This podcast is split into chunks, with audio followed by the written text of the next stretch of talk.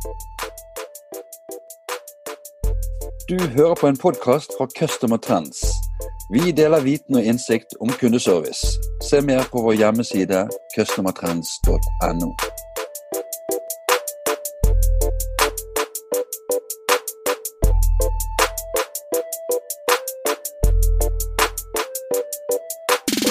Hei, og velkommen til en ny kundeservice-podkast.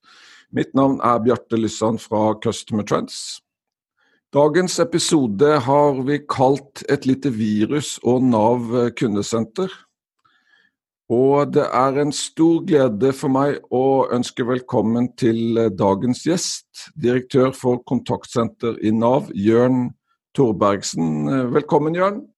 Tusen takk skal du ha. Hvordan går det med deg i dag? Jo da, vi eh, har det jo vært bra. Det har vært noen eh, hektiske uker, det har det. Men eh, men uh, vi er jo velsigna heldige som er i trygg jobb i disse tider. Jeg er veldig takknemlig for at du setter av tid til, til meg i, i, denne hektiske, i, denne hektiske, tiden. Og jeg gleder meg til å, til å snakke om dagens tema. Men først så hadde, det vært, uh, så hadde det vært bra hvis vi kunne få høre litt om deg, Jørn, og litt om uh, hvordan dere har skrudd sammen kundesenteret i Nav? Ja, som, eh, som, du sa, så er jeg direktør for Nav kontaktsenter, og vi er om lag 950 ansatte fordelt på tolv enheter rundt omkring i landet. Uh, og vi veileder jo personbrukere, arbeidsgivere, leger og, og, og, andre samarbeidspartnere for Nav i hele bredden av Nav sine ytelser og tjenester. På telefon, på chat og på en innlogga skriftlig svartjeneste i all hovedsak. Og så har vi noen uh, mindre tjenester i tillegg uh, til dette. Annet har vi jo ansvaret for, for Nav sin stillingsbase. Min bakgrunn er jo utdanna både maskiningeniør og siviløkonom. og har hatt ulike jobber i privat sektor frem til jeg begynte i Nav i den stillinga jeg har nå. Um, og har jo nå hatt denne jobben siden Nav ble etablert i 2006. Så det har vært en, eh, en lang reise, ikke bare for Nav kontaktsenter, men for hele bransjen i denne tida, og ikke minst for, eh, for eh, kontaktsenter i offentlig sektor. Så utviklinga har gått fort og, eh, og, man skulle tro at 15 år så skulle man kanskje begynne å gå lei, men, eh, men utviklinga går så fort at uh, der er ikke en kjedelig dag på jobb. Jørn, ville du si litt mer om hvordan dere har organisert kundesenteret? Vi dekker jo en voldsom faglig bredde. I Sverige så er tilsvarende faglig bredde delt opp i fem etater. Og For å klare å håndtere en så stor faglig bredde, så er det jo flere grep vi har måttet gjort. Det ene er jo at vi har et eh, tungt eh, opplæringsløp. Både for nyansatte som starta sin ansettelse med Unnskyld, nå går det et, et, fly over hodet på meg, men jeg håper at det går bra. Eh, alle nyansatte starta med en måned på skolebenken før eh, de eh, gradvis eh, slipper til etter sertifisering for å, uh, å, kunne betjene brukere i de ulike kanalene.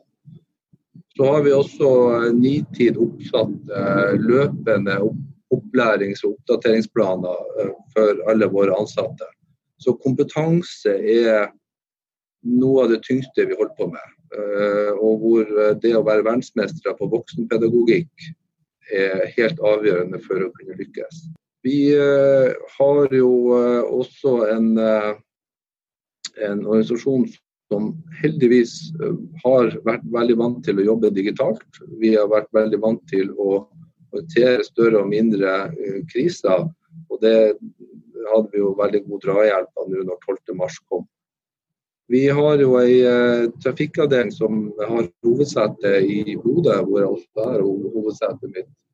Men eh, hvor vi, eh, hvor vi uh, hver dag analyserer og legger planer for hvordan vi skal håndtere eh, alle disse ulike tjenestene, og hvordan vi skal finne rett balanse mellom, eh, mellom disse tjenestene. Og Det er også gjennom trafikkavdelinga vi ikke bare styrer eh, hvordan vi skal betjene alle kanalene, men også der planlegge inn løpende opplæring. Så vi er jo og den Styringsenheten til Nakon saksenter er jo lokalisert jeg tror det er fem plasser rundt omkring i Norge. og Allerede før krisa var vi så vant til å jobbe digitalt at overgangen og krisa kom var ikke veldig stor. Og, og, og, det gjorde jo også at vi kom veldig fort på banen i forhold til å fungere eh, normalt eh, bare etter noen få timer. Selv om vi ble sittende på hjemmekontorløsninger rundt omkring. Da skal vi tilbake til, til tema og Det er naturlig å starte med begynnelsen, og det var den 12. Eh, mars 2020. Eh, Jørn, eh, kan ikke du ta oss gjennom historien fra, fra ditt ståsted? 12. mars er jo en dato vi, vi aldri vil glemme. Vi lå jo i starten bare noen timer foran utviklinga. Men det var i grunn nok til at vi time for time og dag for dag eh, klarte å, å, håndtere den situasjonen som kom. Det som jo uh, var ekstra krevende, i hvert fall for min del oppi dette, var jo at jeg kom hjem ifra, ifra en sydentur uh, fire dager før. Så uh, mot slutten av 12.3 så måtte jeg sjøl i karantene. Og måtte jo lede hele operasjonen fra et hastig oppretta hjemmekontor på loftet. Det var en, en litt spesiell uh, opplevelse. Det som uh, ble utrolig krevende, det var å håndtere det store informasjonstrykket. Stortinget vedtok jo tolv ulike nye ordninger, særordninger for å håndtere koronasituasjonen. I starten så eh, var jo dette bare på overskriftsnivå, og så kom det jo etter hvert forskrifter og mer detaljert eh, informasjon rundt disse løsningene, og Nav måtte jo utvikle veldig mye av disse løsningene løpende. Så opplæringstrykket på våre ansatte til å kontinuerlig kunne gi korrekt og god, god veiledning til arbeidsgivere til personbrukere ble en av de største utfordringene vi hadde i dette. Vi måtte uh, sette av umiddelbart ekstra tid hver dag for å klare å holde våre veiledere oppdatert. Det store strategiske grepet vi gjorde allerede 12.3, var at vi skjønte at dette kom vi ikke til å klare å håndtere på normalt vis. Vi var nødt til å prioritere telefonkanalen til brukere som var ikke digitale, eller av annen grunn trengte ekstra støtte og hjelp i situasjonen som kom. Eh, og så var vi samtidig nødt til å med ganske hår hånd å styre alle som kunne hjelpe seg sjøl, over mot uh, våre nettsider nav.no, hvor vi fikk etablert egne koronasider. I et, uh, i et veldig lett Eh, språk eh, og tydelig eh, design som, som gjorde at vi fikk brukere fikk veldig god hjelp på disse sidene. Vi kjørte frem chatboten og Frida veldig sterkt i denne prosessen. Og alle talemeldingene på telefon og SMS-er mens man sto i telefonkø, leda brukere mot det digitale dette virker. Så er det jo helt klart at, eh, at telefontidene i seg selv ble jo òg en drahjelp. De første dagene lå vi jo på oppi én time ventetid på telefon. Så informasjonsbehovet hos brukere og hos arbeidsgivere var jo veldig stort. Eh, og selv etter å ha venta i én time, så var de både takknemlige og, eh, og fornøyd med den hjelpa de fikk. Men, eh, men, det er jo eh, Og så er, er, det jo slik at veldig mange av våre ansatte ble jo også enten satt i karantene eh, eller av andre årsaker satt i hjemmekontor.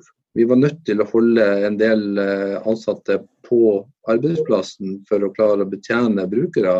Vi hadde i starten bare mobilitetsløsning til en tredjedel av våre ansatte. Og vi hadde ikke god telefonløsning for å kunne sitte på hjemmekontor og svare på telefon. Eh, dette fikk vi jo på plass i løpet av de første ukene, så per i dag så har, eh, har alle våre ansatte en fullverdig eh, mobilitetsløsning og en fullverdig telefoniløsning som gjør at man kan sitte på hjemmekontor og ikke bare betjene bruker på chat og på skriftlige tjenester, men faktisk også på telefon. Og eh, alt dette var jo, eh, var jo ting som vi, måtte, eh, som vi, måtte, håndtere underveis. Vi hadde jo ikke rutiner for, for, noe av dette på plass før krisa kom. Så, så alt dette måtte vi, måtte vi ta ned trinn for trinn.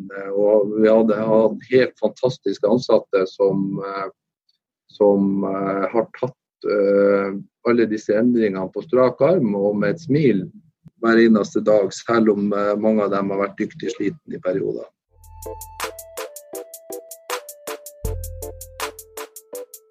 En ting jeg lurer på eh, som gjelder nesten alle eh, kundesentre, det er dette med, med altså tidlig planlegging av, av kriser og, og, risiko. Så spørsmålet er hva, hva, hadde du av planer fra før i forhold til krisehåndtering, og i hvilken grad fungerte de?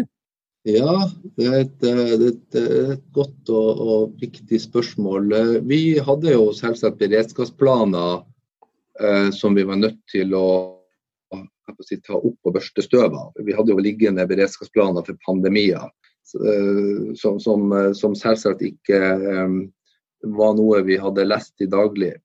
Men hovedberedskapen hos oss er noe som vi faktisk har inne nesten i daglig drift. Sånn at, eh, fordi at Driver du et kontaktsenter, og særlig et kontaktsenter eh, som, som, som, vi har, så kommer det en eller annen variant av kriser med jevne mellomrom. Aldri selvsagt eh, av den størrelsesorden som vi opplevde nå, men, men, i ulike varianter så kommer det krisesituasjoner. Eh, og Derfor så, så vi jo med stor glede at eh, at organisasjonen fungerte fra første minutt av. Vi, eh, det meste satt i, i rutinene, og, og, resten supplerte vi med underveis. Så det har nesten vært noe vi ikke har snakka om i det hele tatt. Fordi at det har vært, har vært en selvfølge at denne type situasjoner skal vi klare å håndtere når vi er i førstelinje. Men, men Eh, der er nok ting som vi sikkert burde sette oss ned og, og ta lærdom av hva som fungerte. Altså, om det er noe som kunne ha fungert bedre enn det det gjorde. Men, men som jeg sier, hovedkonklusjonen er at dette er så, sitter så i blodet i et kontaktsenter at vi har aldri laga noe stort fokus rundt at dette håndterte vi veldig godt. Jørn, jeg lurer veldig på dette med med ledelse. Eh, du har en situasjon med enorme bunker. Du har medarbeidere som, som, sikkert er lei seg fordi de ikke greier å hjelpe alle. Du har mellomledere som skal stå i stormen. Kan du dele litt hvordan du tenkte og hvordan du løste den utfordringen? I enhver krise så har du en tosidighet i, i lederskap. Det ene er at du må stå frem veldig tydelig, veldig synlig, veldig trygg uh, som øverste leder i en sånn situasjon. Uh, organisasjonen har behov for, uh, for, den roen som du som synlig øverste leder skaper. Det andre grepet er å myndiggjøre, delegere, ansvarliggjøre hele organisasjonen. Så det kan høres ut som en motstrid mellom denne synlige, trygge Eh, øverste lederen, men det er ikke det. Det er veldig, eh, veldig god match mellom det å ha en, en, en, en, rolig, synlig leder på toppen og det å eh, gi ansvar ut i organisasjonen. Og Det fungerte utrolig godt eh, i Nav kontaktsenter i denne tida her. Så må man ha fokus på vesentligheter. Det betyr at veldig mye av det som man er opptatt av i i hverdagen eh, legges til side, og, og, så fokuserer man på det som er, er vesentlig. Så etablerte vi tette møtepunkt og hyppige møtepunkt eh, for å, å, sammen ta ned situasjonen for å skape en felles forståelse, for å skape involvering og inkludering i alle ledd. Og, og uh, disse møtene som da selvsagt ble, gikk over Teams, var helt avgjørende i, i de første dagene og ukene. Deretter så var jo det store fokuset og hvor vi måtte umiddelbart sette inn stor styrke, det var på informasjonssida. Informasjonsbehovet i en sånn situasjon er enormt. Og også informasjon om at du ikke har informasjon. Og det å også da sørge for at, eh, at informasjon kom ut til organisasjonen og kom ut til våre veiledere eh, fortrinnsvis litt i forkant av trykket fra brukere og trykket fra arbeidsgivere, eh, var jo helt avgjørende. Det var ikke like enkelt alltid. For eh, det kunne komme overraskende signaler gjennom, uh, gjennom uh, intervjuer med politikere, gjennom debattprogram på TV, gjennom Dagsrevyen, som vi ikke rakk å håndtere til neste morgen. Men stort sett så klarte vi å å skape ro og skape trygghet uh, gjennom uh, en intens uh, informasjons- og kommunikasjonsvirksomhet. Det neste grepet som, som, var avgjørende i lederskapet i det var å umiddelbart begynne å se fremover. Lage planer, lage prognoser, gjøre anslag på hva som ville komme og hvordan det ville treffe. Eh, og på den måten vise at det er et lys i tunnelen, eh, og at eh, vi har en plan. Også det skaper ikke bare ro, men det skaper også kunnskap om hva som ligger foran. Så i sum var vel kanskje det som var, var våre hovedgrep. Så var det et viktig grep til i dette, men det trengte jeg egentlig ikke å gjøre så mye som leder på i det hele tatt fordi at det satt i organisasjonen av seg sjøl. Og det var at vi hadde uh, høyt trykk, vi måtte jobbe mye, uh, lange dager. Men vi var veldig heldige i den situasjonen som hadde en jobb. Og ikke bare hadde vi en jobb, men vi hadde en veldig meningsfull jobb. Så Det betyr jo at motivasjonen hos våre ansatte, selv om de hadde lange dager og hektiske dager, så var man eh, veldig bevisst hele tida på at vi var privilegert som, som, var i den situasjonen som vi var i. Og det ga også masse energi til å stå på for å, eh, å hjelpe brukere og arbeidsgivere.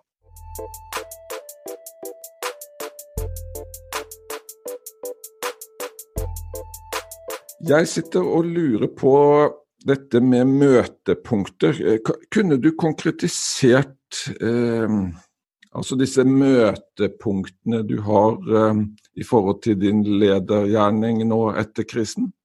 I de første ukene etter 12.3 uh, uh, så var en, en typisk arbeidsdag for meg var å starte med nasjonalt direktørmøte med direktoratet fra mellom åtte og ni. Klokka ni gikk jeg direkte over i i uh, beredskapsmøte med, med styringsenheten, uh, som mine nærmeste ledere, pluss en del utvalgte nøkkelpersonell, for å, å ta ned hva har skjedd siste døgn. Hvordan skal vi håndtere den dagen som er i ferd med å starte opp. Så avslutter jeg hver dag med kombinert møte med, med hovedtillitsvalgte og enhetslederne rundt omkring i landet. Eh, og et av de grepene som, som ligger implisitt i det, er at jeg slo sammen ledermøter og møter med tillitsvalgte. Eh, det ble eh, Alle satte pris på å få møtes på like vilkår i den krisa vi sto i. Og det handla selvsagt òg om effektivisering, at vi ikke hadde tid og mulighet til å kjøre separatmøter. I mellom dette så var det jo selvsagt en rekke særmøter, men det som vi ikke huska på i de første ukene eller to, men som vi etter hvert fikk opp trykket på, det var at vi ikke måtte glemme mellomlederne. Så etter en par uker fikk vi også på plass viktige møtepunkt for mellomledere, og også en faglig støtte til mellomlederne på hvordan de skulle støtte opp om sine ansatte, sine veiledere, i den krisa vi sto i. Eh, dette ble utrolig godt mottatt av mellomlederne. og eh, av de, eh, Et av de grepene som ble gjort Vi kommer også på psykologhjelp i dette her for å, for å gi mellomlederne hjelp til å forstå hvordan det er å stå i en, i en krise, hvordan det er å møte mennesker i krise. Og Vi kjørte også eh, oppfriskning eh, på eh, dette med empatisk kommunikasjon. Eh, hvordan, eh, hvordan, våre veiledere skal møte nettopp mennesker som står i krise på en, eh, på med, med, ikke bare fag, men også med empati. Kan du fortelle litt om arbeidsbelastningen på deg selv og på organisasjonen? Det var jo, det var jo intenst. Det er ingen tvil om at det var intenst. Det var en krise som, som ingen har sett uh, maken til før. Og, og vår stolthet lå jo hele tida i å klare å hjelpe de som trengte hjelp. Og Det betyr jo at vi kjørte oss sjøl ganske hardt. Sjøl så, så, satt jeg på, på hjemmekontor og hadde 12-16 timers arbeidsdag sju dager i uka i tida mellom 12. mars og, og, og påske. Eh, og både jeg og veldig mange i min eh, virksomhet måtte jobbe gjennom hele påska. Så det er klart at vi var slitne. Og det var også viktig for meg oppi dette at jeg passa på eh, særlig nøkkelpersonell som hadde omtrent samme arbeidsbelastninger som jeg hadde, for å være sikker på at alle klarte å stå i det vi sto i. Uh, samtidig så klart at forventningene var jo at, at, vi måtte levere, så det var jo å finne en balanse som, som, gjorde at folk klarte å stå løpet. Og så var det jo veldig rørende å se eh, hvordan veilederne sto opp for etaten og for brukerne i denne perioden. Vi hadde jo ansatte som nylig hadde pensjonert seg f.eks., og som kom og banka på døra og sa kan vi hjelpes til i dette her. Eh, vi hadde ansatte som har, har, av ulike årsaker har eh, hatt eh, redusert stilling, som at nå vil jeg gjerne øke stillinga mi for å hjelpes til gjennom denne krisa. Og vi har hatt ansatte som først har sittet lange, intense dager på telefon og på chat, og deretter har sagt seg villig til å gå på overtid. Ikke bare på, på, på, på ettermiddag og kveld i ukedager, men også, eh, også gjennom eh, eh, helg og også gjennom helligdager. Og herunder også i, i påska. Så, så, det har vært en, en dugnadsånd som har vært overveldende gjennom hele organisasjonen i den perioden, og, og aldri vært noen som klager.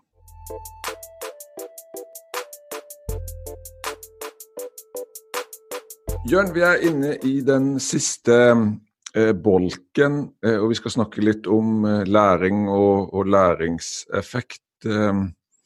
så jeg spør deg, hva, hva, har dere lært eh, av den perioden dere har vært eh, igjennom? Vi har lært veldig mye, og, og, har prøvd å passe på allerede nesten fra dag én å gjøre notater underveis slik at eh, når krisa er over, at vi skal virkelig dykke inn og se på alt vi skal lære. Men, men noe har vi jo konkludert med, eller mer eller mindre konkludert med allerede. Det ordinære si, kalenderen og møteplanen vår for 2020 er jo skrota og lagt på is. Og deriblant uh, var vi jo godt i gang med lederutviklingsprogram. Og Det som vi har sett, uh, er jo at organisasjonen har gjort sånne kvantesprang i myndiggjøring, ansvarliggjøring i alle ledd, en ny måte å jobbe sammen på, som gjør at de gamle lederutviklingsprogrammene må rett og slett skrotes og skrives på nytt. for å bygge videre på der vi er i dag. Så Det er jo et av de viktige læringseffektene i dette. Og I kjølvannet av det, eller i sammenheng med det, så ligger det jo at vi var, og syntes sjøl at vi var veldig digitale når krisa traff. Eh, men vi ser jo at også der har vi gjort kvantesprang i måte, måten å jobbe på uh, og, og, som organisasjon. Det betyr at der hvor vi før stritta imot på hjemmekontorløsninger, så vil det i større grad være en del av den naturlige hverdagen. Der hvor vi før trodde at man var nødt til å sitte i klasserom for å ha undervisning, eller at man måtte ha skulder ved skulder fysisk når man skulle sitte på opplæring, så ser man nå at dette løser vi digitalt. Den som sitter ved siden av deg og hjelper deg eh, faglig, eh, kan være på en helt annen kant av landet eh, fysisk, men er digitalt sammen med deg. Så av, eh, av hvordan dette vil påvirke og endre vår organisasjon, har vi ikke helt tatt ned. og Vi ser ikke, eh, sikkert ikke det hele bildet ennå, men vi ser at det er en annen organisasjon som kommer ut i andre. Så det er andre ting som vi må være stolte av og, og fortsette å ta vare på. Um, robusthet er jo ikke noe du kan vedta, det er jo en tilstand. Og det har vi sett at, uh, at det var på plass. Og det må vi passe på at vi også tar med oss inn i det videre. Jørn, eh, vi er kommet til eh, veis ende. Du har en eh, viktig jobb, og du er en travel herremann. Så jeg vil takke deg ekstra for at du satte av tid til meg for å dele med dine viktige og dyrekjøpte erfaringer. Så tusen takk skal du ha. Ja, sjøl takk, og takk det samme. En viktig grunn til at jeg takka ja til, til, å delta på dette, er jo at det er også egennyttig for meg i å uh, få reflektert rundt det vi har vært igjennom, og hvilke læringer vi må trekke av den krisa vi har vært i. Så Derfor så er det også veldig nyttig for meg å, å, å delta på en podkast som dette. Så, så sjøl takk, og ha en fin dag videre. Ha en fin dag. Du har hørt en podkast fra Customer Trends. Vi håper du har latt deg inspirere og lært noe nytt. Finn ut mer om hvordan vi i Customer Trends kan hjelpe deg på customertrends.no.